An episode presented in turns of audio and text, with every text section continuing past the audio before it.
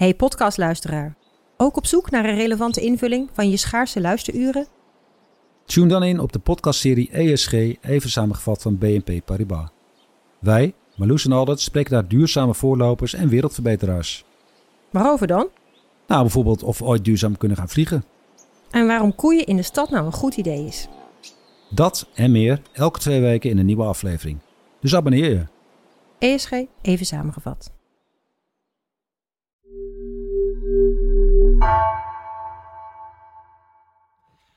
...8 december 2016 lijkt op een gewone dag uit het leven van Martin Kok. Voormalig crimineel en inmiddels misdaadblogger. Martin runt Vlinderscrime, een site waarop hij van alles publiceert over de onderwereld. Echt goed schrijven kan Martin niet, maar daar gaat het hem niet om. Hij wil graag de eerste zijn. Hij belt dan ook heel graag met journalisten als hij een nieuwtje heeft op zijn site. Martin vindt die omgang met echte journalisten prachtig. Die 8 december luncht Martin met een aantal misdaadjournalisten in een chic hotel in Amsterdam Zuid. In de loop van de middag vertrekt hij daar weer. Terwijl Martin het hotel verlaat, komt er van achteren een jongen aangerend. Hij richt van heel dichtbij een pistool op het hoofd van Martin. Het pistool weigert en de jongen rent weer weg. Martin Kok ontsnapt daar aan de dood, maar hij heeft niks in de gaten. Zo valt te zien op de beveiligingsbeelden die het hotel heeft gemaakt.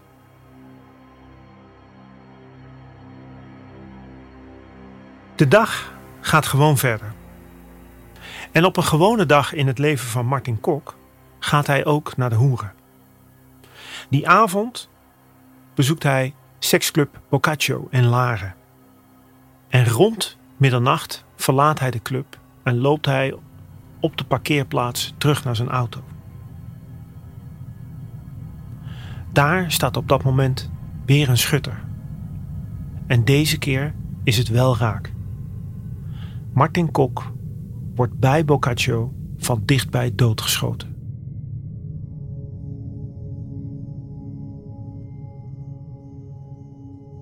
Ridouan Taghi probeert zo lang mogelijk onder de radar te blijven.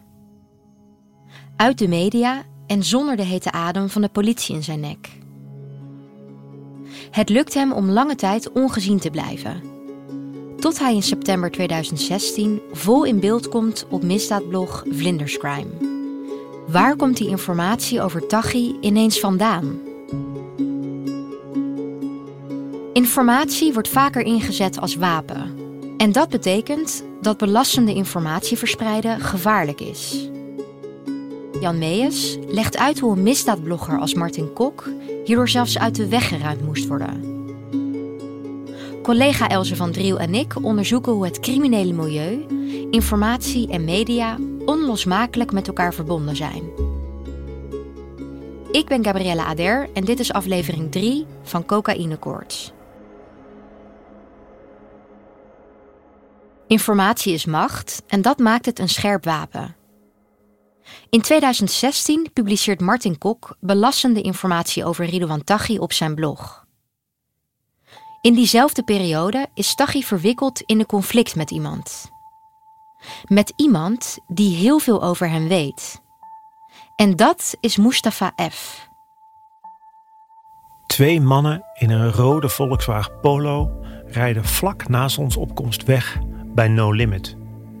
Een club in Zoetermeer die eigendom is van Mustafa F.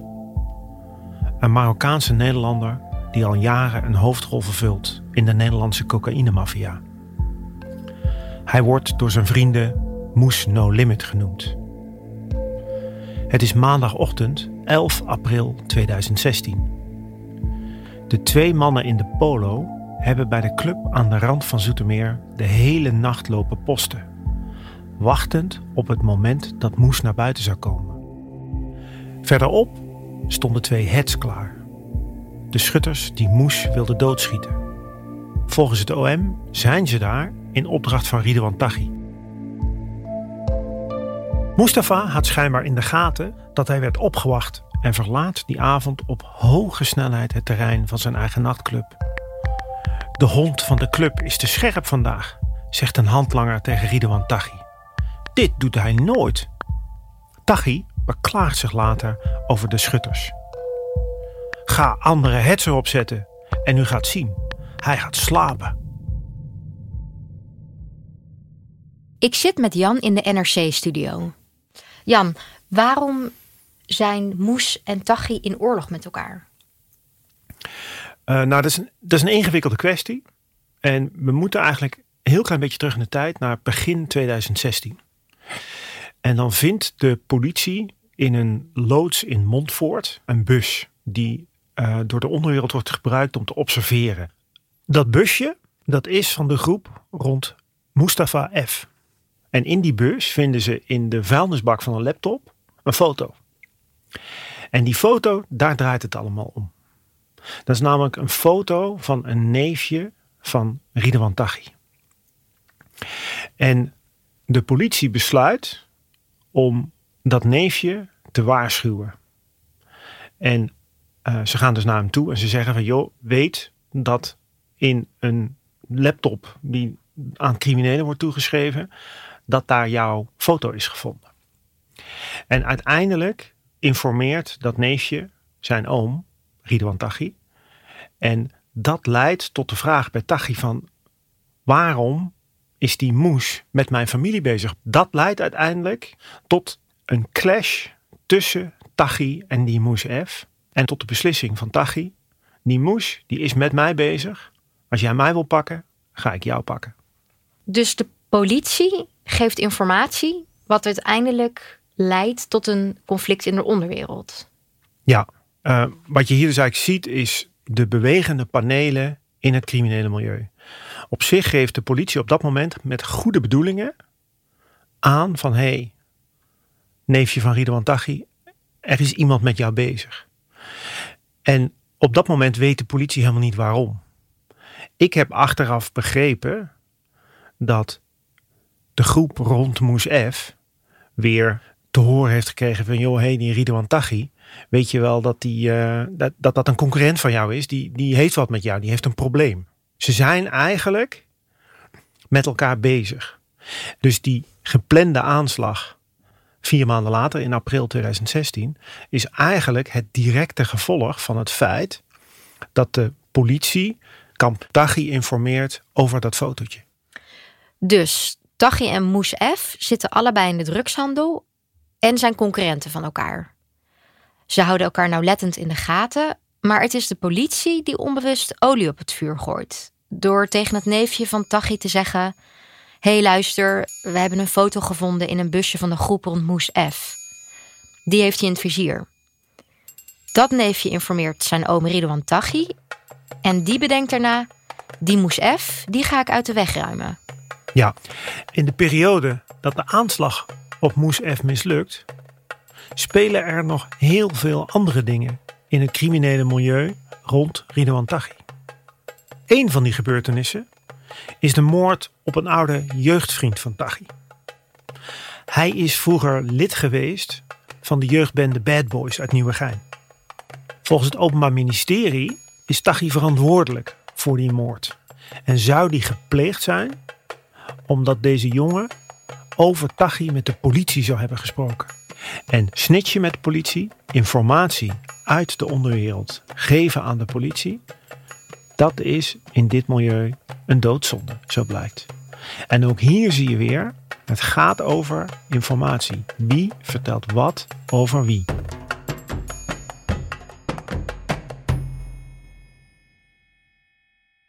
De avond van zijn dood had Martin Kok nog een etentje met collega's. Waaronder met misdaadjournaliste en podcastmaker Marjan Huske.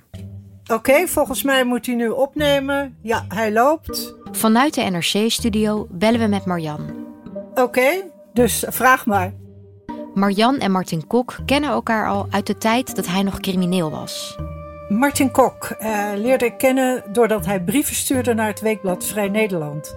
Hij zat in de cel voor een moord die hij had begaan. Martin belt Marjan vaak met verhalen over de gevangenis. In dit geval ging het om het eten in de gevangenis. Wat er in zijn ogen eerst slecht was, maar hij had een truc bedacht dat hij uh, beter eten kon krijgen. Het is een katholieke Volendammer en hij had gezegd dat hij Joods was. Dus kreeg hij uh, eten van de rabbijn en dat was heerlijk eten.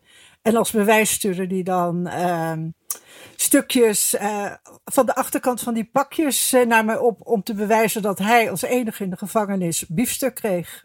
Oh ja, heel inventief dus. Hij zat in de gevangenis. kunt u misschien schetsen hoe zijn leven tot dan toe was gelopen? Ja, het was een Volendam schoffie. Met zijn vader al jong met de viskar uh, rondlopend op de wallen. En ja, daar zag hij een soort bruisend nachtleven. En daar wilde hij ook deel van uitmaken. En later kwam hij terecht in de coterie van de Heineken-ontvoerder Cor van Hout. Dat was een soort held voor hem.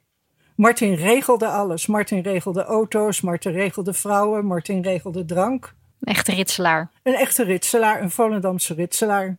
Martin Kok wordt twee keer veroordeeld voor doodslag en moord. Hij krijgt vijf en veertien jaar cel. Martin begint een website vanuit de gevangenis. Vlinders Escort. Toen had hij uh, een escort service opgezet uh, in de gevangenis. En dat waren dus prostituees. Die dames zet hij op zijn bezoekerslijst en verhuurt ze aan andere gedetineerden. Als hij weer vrijkomt, bouwt Martin de site om tot een blog vol misdaadverhalen. Want hij zag, ja, als ik ze zelf opschrijf, ja, dan sta ik nog meer in het middelpunt van de belangstelling. En hij wilde het uh, ja, op zijn Martins doen. Dat betekent veel adverteerders en dus geld verdienen.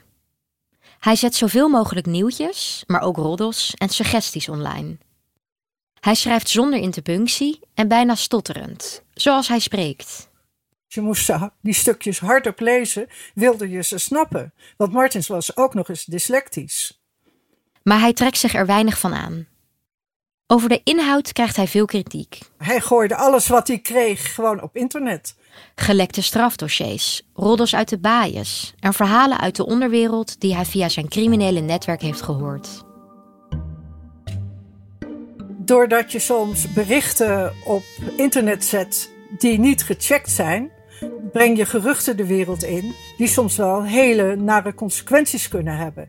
Dus als er staat dat iemand bedreigd is en hij is niet bedreigd, ja, dan zegt Martin: ik haal het wel weg.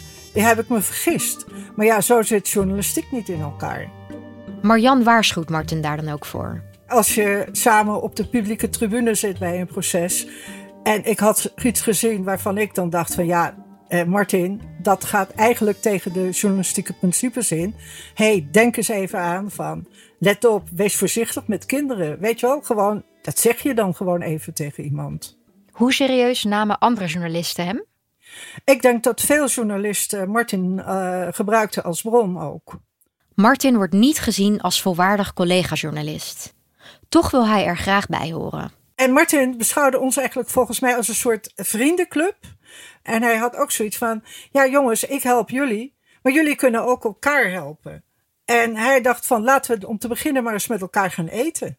En dus organiseert Martin op 7 december 2016 voor de hele groep een etentje in het Apollo Hotel in Amsterdam. Volgens mij, iedereen die hij uitgenodigd had, is er ook naartoe gegaan.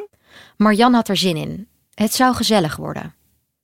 Martin wilde waarschijnlijk betalen voor iedereen, maar dat wilde Marjan niet. En dus nam ze contant geld mee. Jij zegt, oh Martin, jij betaalt, ik leg het voor erbij. En dan ziet hij wel dat je gewoon je eigen maaltijd hebt betaald. En dat snapt iemand.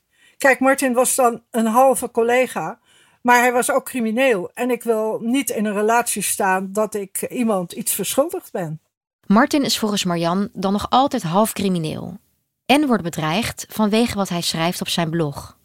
Uh, soms is journalistiek uh, ook risicovol, ook niet-misdaadjournalistiek.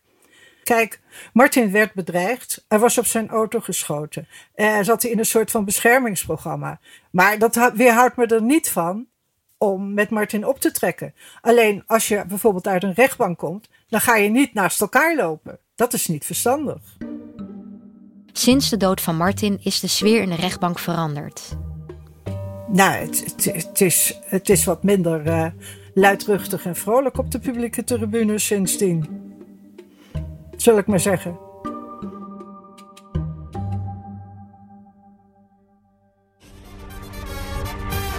Ja, Martin, Martin Kok.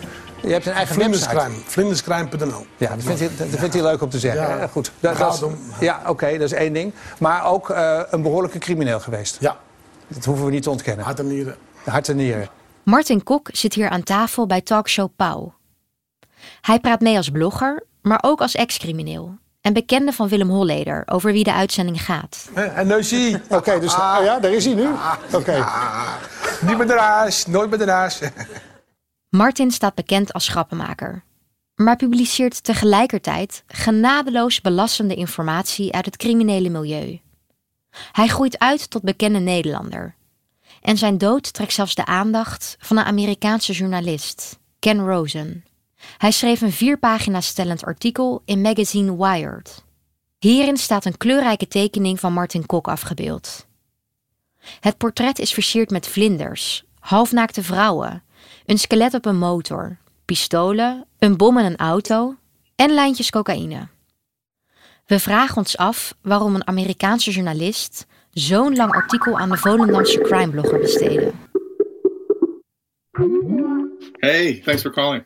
Journalist Ken Rosen vertelt via Skype waarom dit verhaal hem zo fascineert. I wanted to learn about Martin and what would lead Martin to become a crime blogger when he had no experience as a journalist.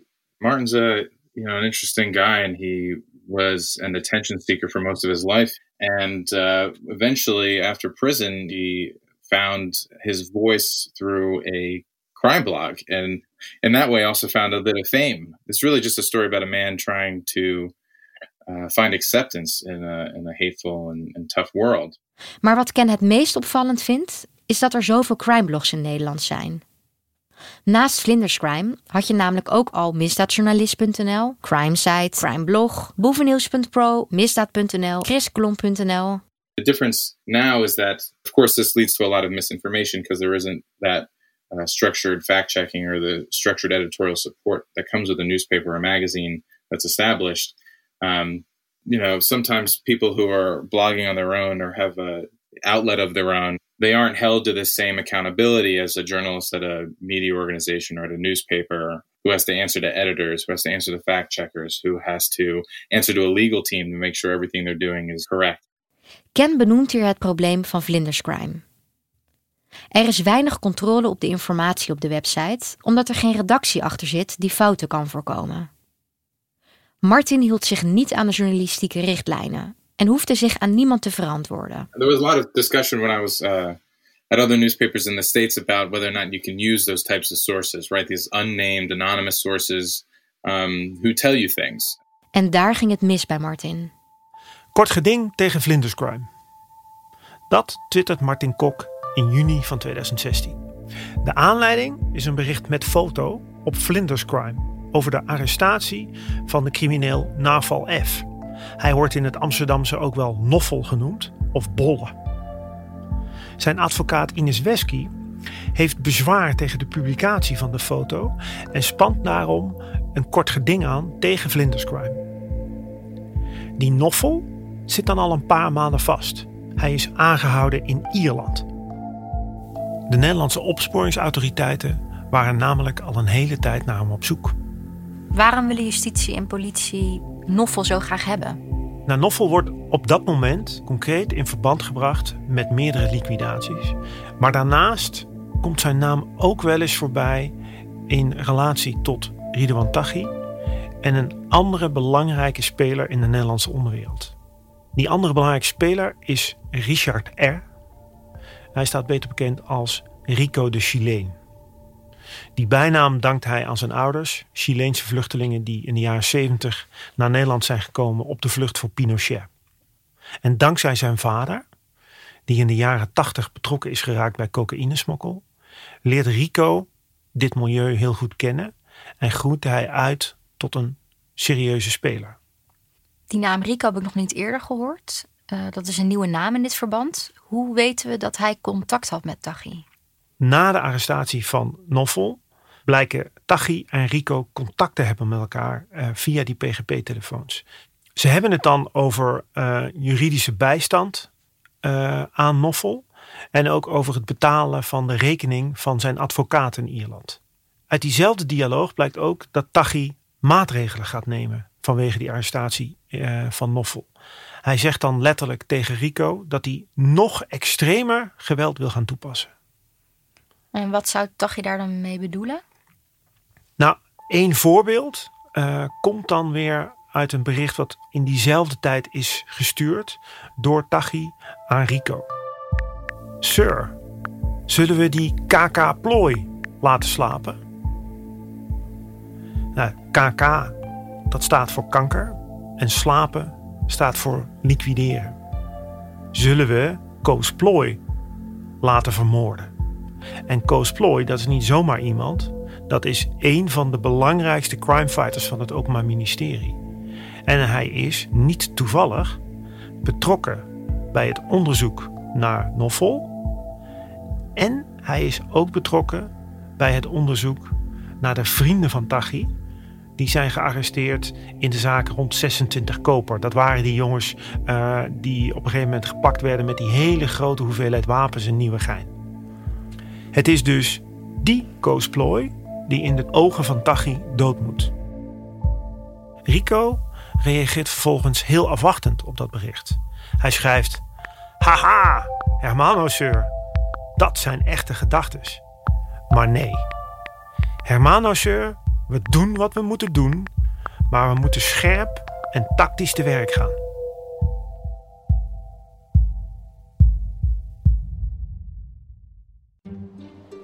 Ik ga de deur dichten, want dat zijn die, die bouwwerkzaamheden.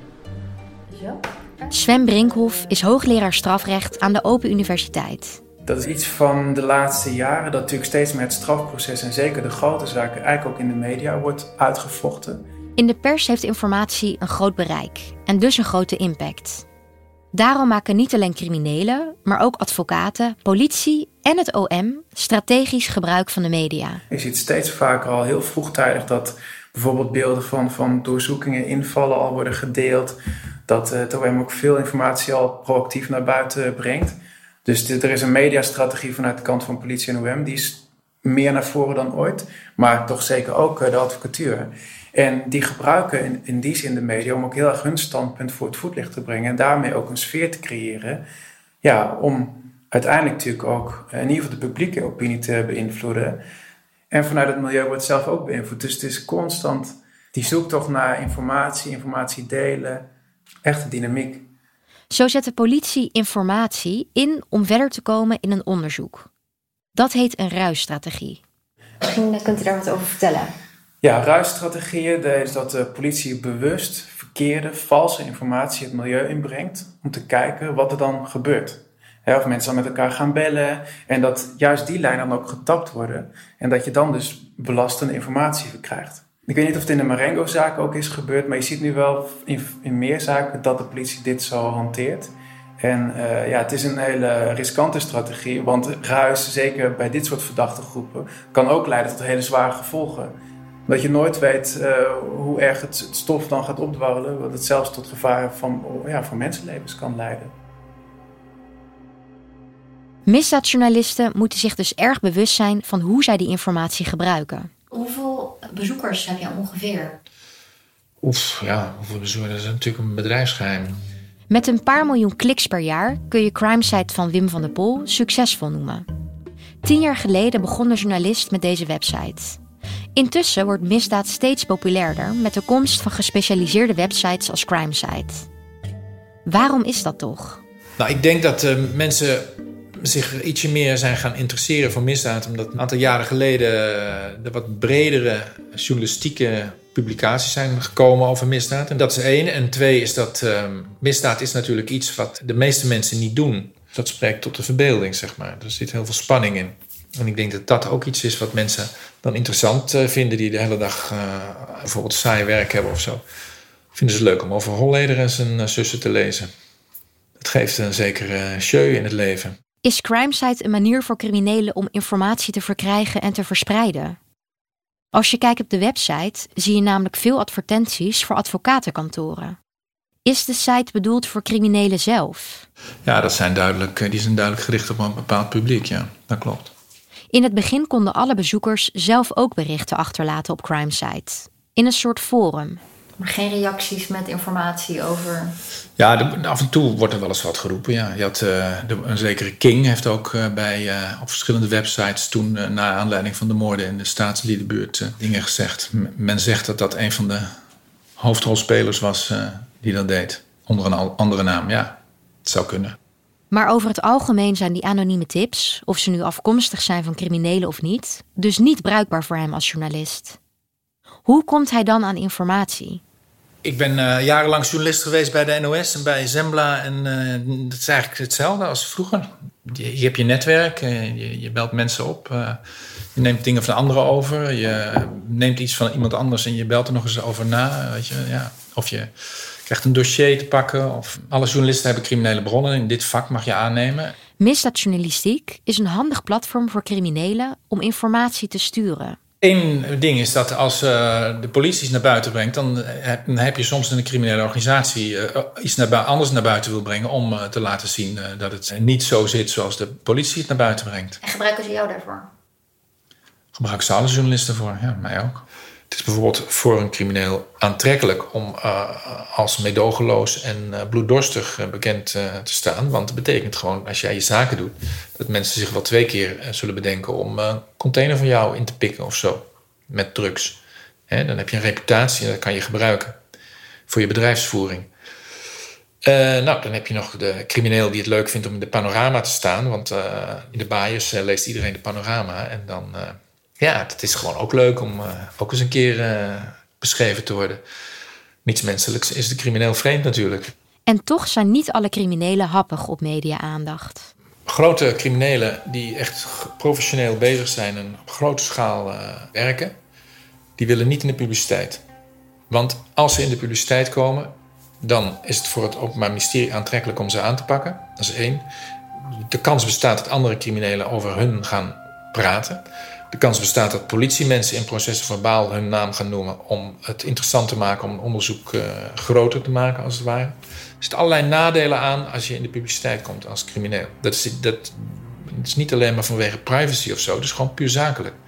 Je business wordt een soort van kapot gemaakt omdat de autoriteiten echt op je gaan jagen als je in de krant staat. Tachi wist heel goed dat rondcirculerende informatie nadelig zou zijn voor zijn handel. Hij deed er alles aan om dat te voorkomen. Daarom duurde het zo lang voordat de politie, maar ook journalisten, over het bestaan van Tachi hoorden. Jan Meijers legt me in de studio van NRC uit hoe Tachi en zijn handlangers bij het grote publiek bekend werden. Martin Kok plaatst een bericht op Vlinderscrime over de mannen. Martin onthult niet alleen de namen van dat nieuwe driemanschap, Tachi, Rico en Noffel, maar hij publiceert ook foto's van die drie mannen. En dat is de aanleiding voor dat kort geding geweest wat Ines Wesky heeft aangespannen. En uh, zij zijn dus het nieuwe driemanschap. Hè? Hoe verhouden zij zich dan tot elkaar?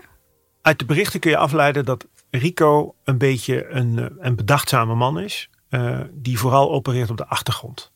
Hij wordt al decennia uh, in verband gebracht met kopstukken uit met name de Amsterdamse onderwereld, is al eens veroordeeld voor cocaïnesmokkel. En heeft, zo blijkt inmiddels, echt een groot internationaal netwerk. En onder andere uh, banden met de Italiaanse Comorra. Op het vlak van cocaïnesmokkel echt een hele grote speler in het internationale netwerk. Tachi is eigenlijk een, ten opzichte van Rico een relatieve nieuwkomer. Uh, in de berichten lees je wel dat hij uh, stoere drang heeft, dat hij heel graag wil. En dat Rico hem soms een beetje uh, tegenhoudt en intoomt. Noffel moet in relatie tot deze twee vermoedelijk vooral worden gezien als een uitvoerder. Hij is ooit begonnen als hitman. En uh, het lijkt erop dat hij daarna is doorgegroeid als organisator van liquidaties. Dus hier worden de namen van het driemanschap genoemd. Tachi, Noffel en Rico R. Ja, over deze drie mannen heeft Martin Kok dus gepubliceerd op zijn blog Flinders Crime. En dat is bijzonder omdat op dat moment nog helemaal niks bekend is over de relatie tussen Rico, Ridwan Tachi en Noffel. Het publiceren van dit soort informatie al dan niet met foto's. Het, het feit dat Martin Kok het verband legt tussen deze drie hoofdrolspelers in het criminele milieu, dat valt gewoon heel slecht. Naast het feit dat er dus een kort geding tegen Martin is gestart vanwege de publicatie van die foto's, duiken er later ook berichten op tussen Tachi en Rico. En dan hebben ze het over die KK Vlinderscrime. Die moet gaan slapen. Oftewel, Martin Kok moet dood. Alleen nog steeds. Namelijk, uh, leggen we zo, leggen we zo. Wappetje Wopo, Rammeroni. In juli 2016 stuitert een vrolijk lachende en stotterende Martin Kok in een video naast een politieauto. Er is net een bom onder zijn auto gevonden. Een bom omhaald geplakt, uh, bom. Bommeroni. Ze gaan een bommetje, een magneetje, lampje branden. Wappetje Wopo. Was uh, meteen zeggen dat het een bom was. Martin Kok weet donders goed dat zijn blogs hem in levensgevaar brengen. Want ik had geschreven over de Utrechter liquidaties Kopers 26. Had ik de onthulling gedaan, dan moest ik het afhalen. En uh, wat, wat een heel moeilijk verhaal. Martin zegt hier dus dat hij onthullingen op zijn blog had geplaatst over 26 koper. Dat is het onderzoek naar de groep rondom Tachi. Maar we blijven schrijven hoor, we blijven schrijven. Flinders Crime, dit is de beste site jongen, daar gebeurt het allemaal jongen. Flinders gaat gewoon door. Wij gaan nog even lekker suipen en lekker naar de, naar de hoeren snoeren. Dat gaan wij doen. Flinders gaat gewoon door. Martin gaat in de video joelend en lachend over straat. Ook al weet hij dat hij gevaar loopt. Een half jaar later gaat het mis. Bij een seksclub in Laren, in Noord-Holland, is misdaadblogger Martin Kok doodgeschoten. Hij werd hier in Laren van dichtbij geliquideerd toen hij seksclub Boccaccio verliet. Eerder vanavond werd bekend dat Kok eerder die dag al aan de dood ontsnapte. Zo hier de beelden rond de liquidatie zelf. De dader of daders wisten te ontkomen en het onderzoek werd direct gestart. Dit is een van de laatste foto's verstuurd vanuit die seksclub. Martin Kok hangt op een groot bed met rode kussens om hem heen. Hij draagt alleen een zwarte boxershort. Zijn buikje pelt iets over de rand heen. Vrolijk steekt hij zijn duimen in de lucht. Zijn laatste moment heeft hij gespendeerd zoals hij het leven het liefste zag. Vol drank, lekker eten en veel vrouwen. Jan, wat denk jij? Hoe kwam Martin Kok aan die informatie over dat driemanschap? Ja, dat is eigenlijk de cruciale vraag. Alleen, we weten dat niet zeker. En we kunnen het Martin Kok ook niet meer vragen. Namelijk dat die Moes F, die eigenaar van Club No Limit, een conflict had met Ridwan Taghi. En we weten ook dat Taghi heel erg zijn best heeft gedaan om uit het zicht van de politie te blijven. En op het moment dat jij dan zo prominent in de publiciteit komt en dat jouw advocaat kort geding gaat starten, dan is die missie mislukt. Dus of de mensen van Moes F die informatie aan Martin Kok hebben gegeven, durf ik niet te zeggen. Maar dat het feit dat Martin Kok daarover publiceerde hen heel goed uitkwam op dat moment, dat weet ik zeker. Wat dit verhaal over Martin Kok ons leert, is dat het lekken van informatie, of dat nou aan een journalist is, aan een shockblogger of aan de politie, dat dat een heel effectief wapen kan zijn in de strijd tegen een rivaal. Martin Kok is niet de enige wiens mond is gesnoerd door criminelen vanwege het openbaren van informatie. Maar nu gaan ze nog verder. Kunnen ze niet bij de informatieverspreider zelf komen? Dan pakken ze de mensen om hem heen. Hoe ver ze precies gaan? Dat hoor je volgende week in aflevering 4 van Cocaïne Koorts. Wil je aflevering 4 en 5 ook luisteren? Die vind je in de NRC Audio app. Download hem nu via nrc.nl/slash audio of ga naar de App Store en luister meteen verder. Je luisterde naar Cocaïne Koorts, een podcast van NRC. Gemaakt door Jan Meijers, Else van Driel en mijzelf, Gabrielle Ader. Muziek die je hoort werd gecomponeerd door Ari Visser. Het eindnummer is van Gilad Ben Amram. De mixage werd verzorgd door Arno Peters.